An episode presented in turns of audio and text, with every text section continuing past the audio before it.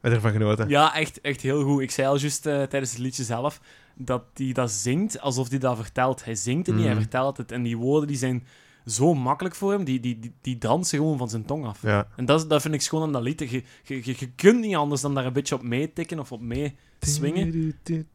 En dat is, super simpel, maar dat, ja, dat werkt keigoed. En heel veel instrumenten, Afrikaanse invloeden zijn wel duidelijk. Ja. Ja, en eh, de, de beste blokfluitsolo ooit. Of fluitsolo ooit, het was geen blokfluit.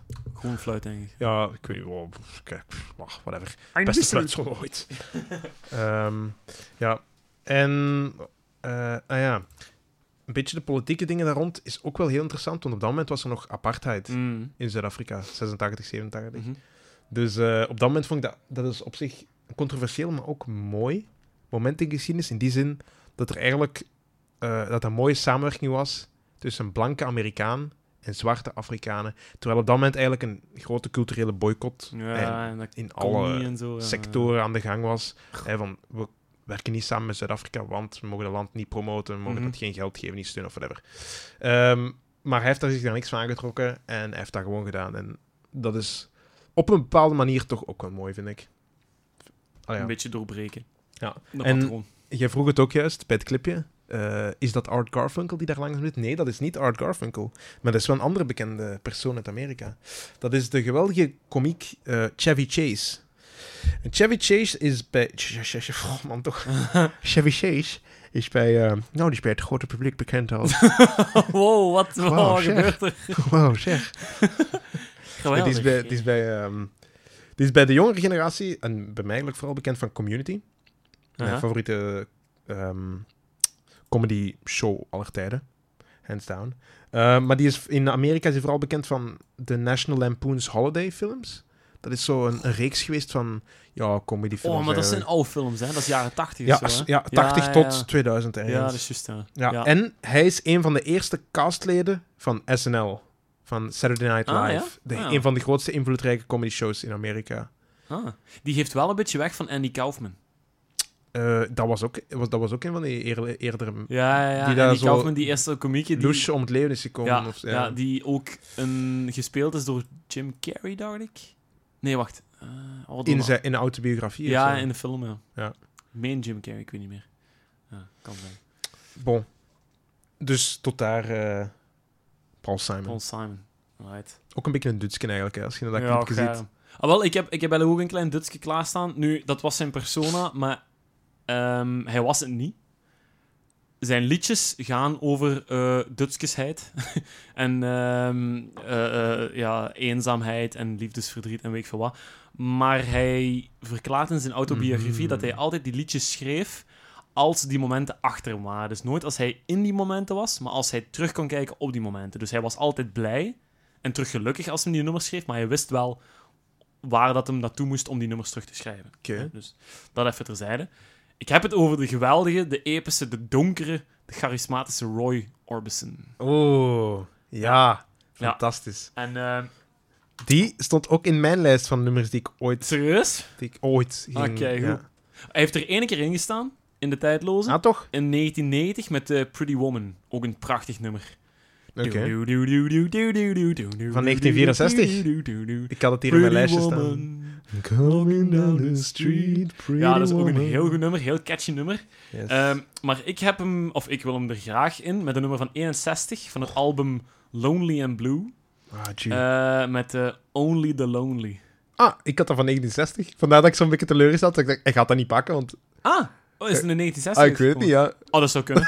Dat zou Maar dat is te beter. Gaat dat ook of wat? Only the lonely, Oh, inderdaad. prachtig, Ah, prachtig. fantastisch. Ah, wel, het is eigenlijk Only the Lonely. Ik weet over welke film het gaat ook. Je mocht zeggen. De helaas zit er dingen. Oh, geweldig. Ah, zalig. Echt, jongens en meisjes, De Helaasheid der Dingen is een van de beste Belgische, Belgische films, films. ooit. Ik meen dat serieus. Dat, die, die film is zo poëtisch, Ah. zo... Ja, goh, zo empathisch. Je kunt niet alleen... Of je kunt er niet... Allee, Typische Belgische volkse film. ja, voilà. En je kunt er niet anders dan medelijden mee hebben met al die figuren die daar voorkomen. Gewoon, je- je- je- op het einde van de film apprecieert je ze en je snapt waarom ze het doen, maar ze kunnen niet anders dan het doen. Zo stoeme dingen. De beren. Er zijn zoveel goede momenten in die film, gelijk de Tour de France. Als, Oh man. Met dat drinken en dat ze dan zo naakt op hun fiets op het einde wegrijden of Ja. zo van die shit. Voilà, dus om een drinkwedstrijd te organiseren, doen ze de Tour de France. Hè. Je moet dan gewoon het meeste pintjes drinken over het verloop van 10 dagen. En als je in de Alpen en de Pyreneeën bent, moet je dan zware bieren beginnen te kletsen of sterke drank of zo. En Ah, vandaar van dat jij die film zo goed vindt. Nee, nee. Maar een van die broers drinkt je dan helemaal hopeloos in het ziekenhuis. En zo van die stoten halen die uit. En, ongelooflijk. lang geleden. Ja, prachtige film van 2009, eh, gebaseerd op het boek van Dimitri Verhulst. En eh, Felix van Groeningen, de regisseur, heeft de film eigenlijk zo gemaakt dat ehm, de Gunther, hè, Gunther eh, Strobbe, dus het klein manneke van 13, dat dus omringd is door zijn Juist. nonkels, ehm, eh, dat, dat Gunther eigenlijk de film vertelt als hij ouder is, als hij zelf Ja. de leeftijd heeft van zijn onkels. En dat maakt de film ook heel poëtisch, dus heel, heel, heel, heel boek. ja, alsof je het boek eigenlijk hoort, hè, met de Mhm. beelden erbij. Ehm, de film is zelfs zo goed geweest dat het de Belgische inzending was voor de Oscars. Ehm, voor de Oscars van 2010. Maar jammer genoeg heeft het de Europese shortlist niet gehaald. Jammer genoeg. Maar het was wel een goede kanshebber. Heeft ook eh, het filmfestival van Gent geopend. Nu, ik denk dat dat 2009. ook wel een film is die je apprecieert als je Belg bent. Ja, ik kan me wel inbeelden dat een niet- Duitser zoiets van heeft van was en dat voor marginaal. Ah, wel, want een Duitser heeft toen gewonnen in 2010. eh, met eh pa, pa, das, das, das.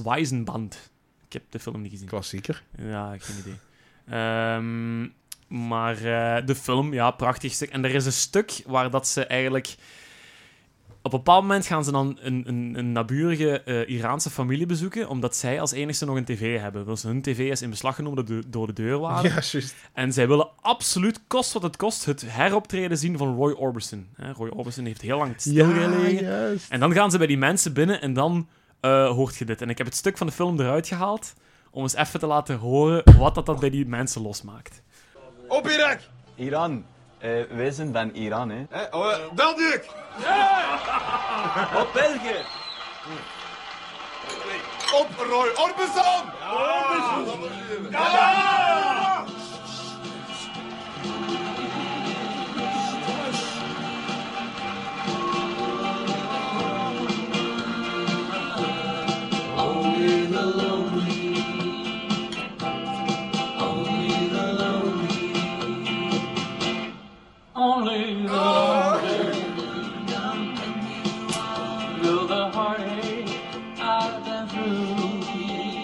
vader had de tijdstabellen van de Strobbes gelegd, naast die van onze grote idool uit Texas.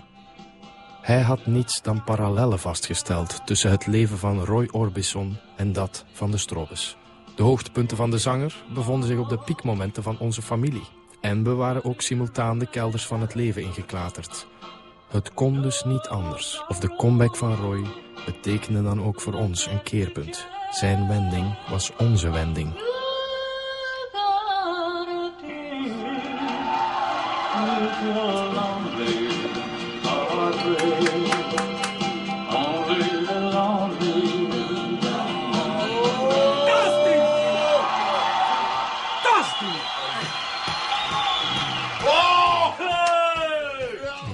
Echt jongens, zalig. Pretty woman. Dus dat stukje, als dan het liedje voor de eerste erin komt, eh, Only the Lonely. Ja, en, en, en Roy Orbison is ook, is ook, eh, is ook supergoed. Hè. Ik bedoel, eh, Roy Orbison heeft eigenlijk ook veel met de Beatles connectie gehad. The Traveling Wilburys. Eh, ja, onder andere. Eentje. Ja, ja, onder andere. Eh, Ehm, maar hoe komt dat eigenlijk? Als ik kort even samenvat. Roy Orbison is een echte Texaan. mhm. Wordt geboren in 1932. Of, eh, sorry, in 1936. Ehm, en krijgt eh, op jonge leeftijd krijgt hij een gitaar van zijn vader. En hij begint liedjes te maken. Ehm, hij heeft in, eh, ja, zal ik maar zeggen, in high school, of hoe noem je dat? In, Middelbaar. in het middelbaar, voilà. In het middelbaar heeft hij een groepje, de Wink Westerners. En lokaal treden ze op in hun dorp, in hun buurt. Ehm, en op een bepaald moment ehm, zijn ze eigenlijk goed genoeg dat de grote Sam Phillips van eh, het label van Cash, Johnny Cash, en Ah, ja. Elvis Presley, hè, de Sam Phillips, die wil Roy Orbison wel bij zijn groepje. Die zegt van, Roy, komt jij maar mee? Er zit wel iets in u. hè? Mhm. Kom maar mee, kom maar mee met mijn mannen toeren, want we gaan samen met Johnny Cash, Elvis Presley, Jerry Lee Lewis, zo al die grote Oeh. rockabilly-helden van de eh, eindjaren of eh, begin jaren 50 en zo. Ja, die gaan dan eigenlijk samen toeren. En eh, Roy Orbison gaat mee. En dat, die pakt zijn groepje mee. Maar ondertussen zijn ze vernoemd, of genoemd, hernoemd naar de Teen Kings. Dat is een idee van Sam Phillips om, om, om Roy Orbison eigenlijk te linken aan het jongere publiek. Hè, aan, om een iets jonger doelpubliek. Ehm, dat is allemaal goed en wel. Maar Roy voelt zich niet zo goed. Waarom? Roy, Voelt Roy zich niet zo goed? Ah, wel. Roy is al op 21-jarige leeftijd getrouwd met Claudette. Oh. die, hij heeft een vrouw, hij heeft kinderen. Eh, het wordt hem allemaal een beetje te veel, de verantwoordelijkheid. En om dan eigenlijk zijn soelaas te zoeken, gaat hij s'nachts in zijn auto gitaar spelen. En op één nacht eh, wordt hij op de raam getikt door eh, Joe Melson. Een, een, een, soort van meereizigers met dat, met dat ganse groepje. En die tikt op het raam van Roy Orbison en die zegt van... Gast, ik snap u. Wilt jij samen die nummers met mij schrijven? Want ik doe dat ook wel. Oh ja, zegt Roy, dat is goed. Wij gaan samen nummers schrijven. En wil het of niet, maar Only the Lonely is het eerste nummer wat die twee samen schrijven. Nee. Dat is het allereerste nummer. Ehm, nu, in plaats voor dat voor zichzelf te houden, presenteren ze dat eerst aan de grote man van dat groepje. Elvis Presley. Aha. Dat was dus de grote... Hij was toen Dat was de, dikke vis. Ja, dat Ja, was de dikke vis in dat groepje. Maar hij zegt, nee, weet je wat, dat hoeft voor mij niet. En toen hebben ze gezegd zag van, het niet zitten, of wat? nee, die wou dat niet, die hoefde Ja. dat niet. Hij zegt van, nee, nee, god, nee, merci, dikke, dikke merci, maar dat hoeft niet. En dus hebben ze gezegd van, oké, dan doe ik het zelf wel. Ehm, en zo is Roy Orbison eigenlijk beginnen te zingen. En zo heeft hem zijn eigen getraind om te zingen. En daar is een hele carrière uitgesponnen, die zelfs tot in Schotland gegaan is. Zijn carrière Ja, ja. En daar, over heel de wereld gegaan. in toch? 63, Oké. In 63 speelt hij samen met een jong groepje Genaamd Beatles. de Beatles. En de legende gaat dat Roy op de vooravond van zijn optreden al die affiches ziet in het dorp en hij zegt van, jong, de Beatles, de Beatles, dat hangt hier overal op. Wie, wie de fuck zijn de Beatles?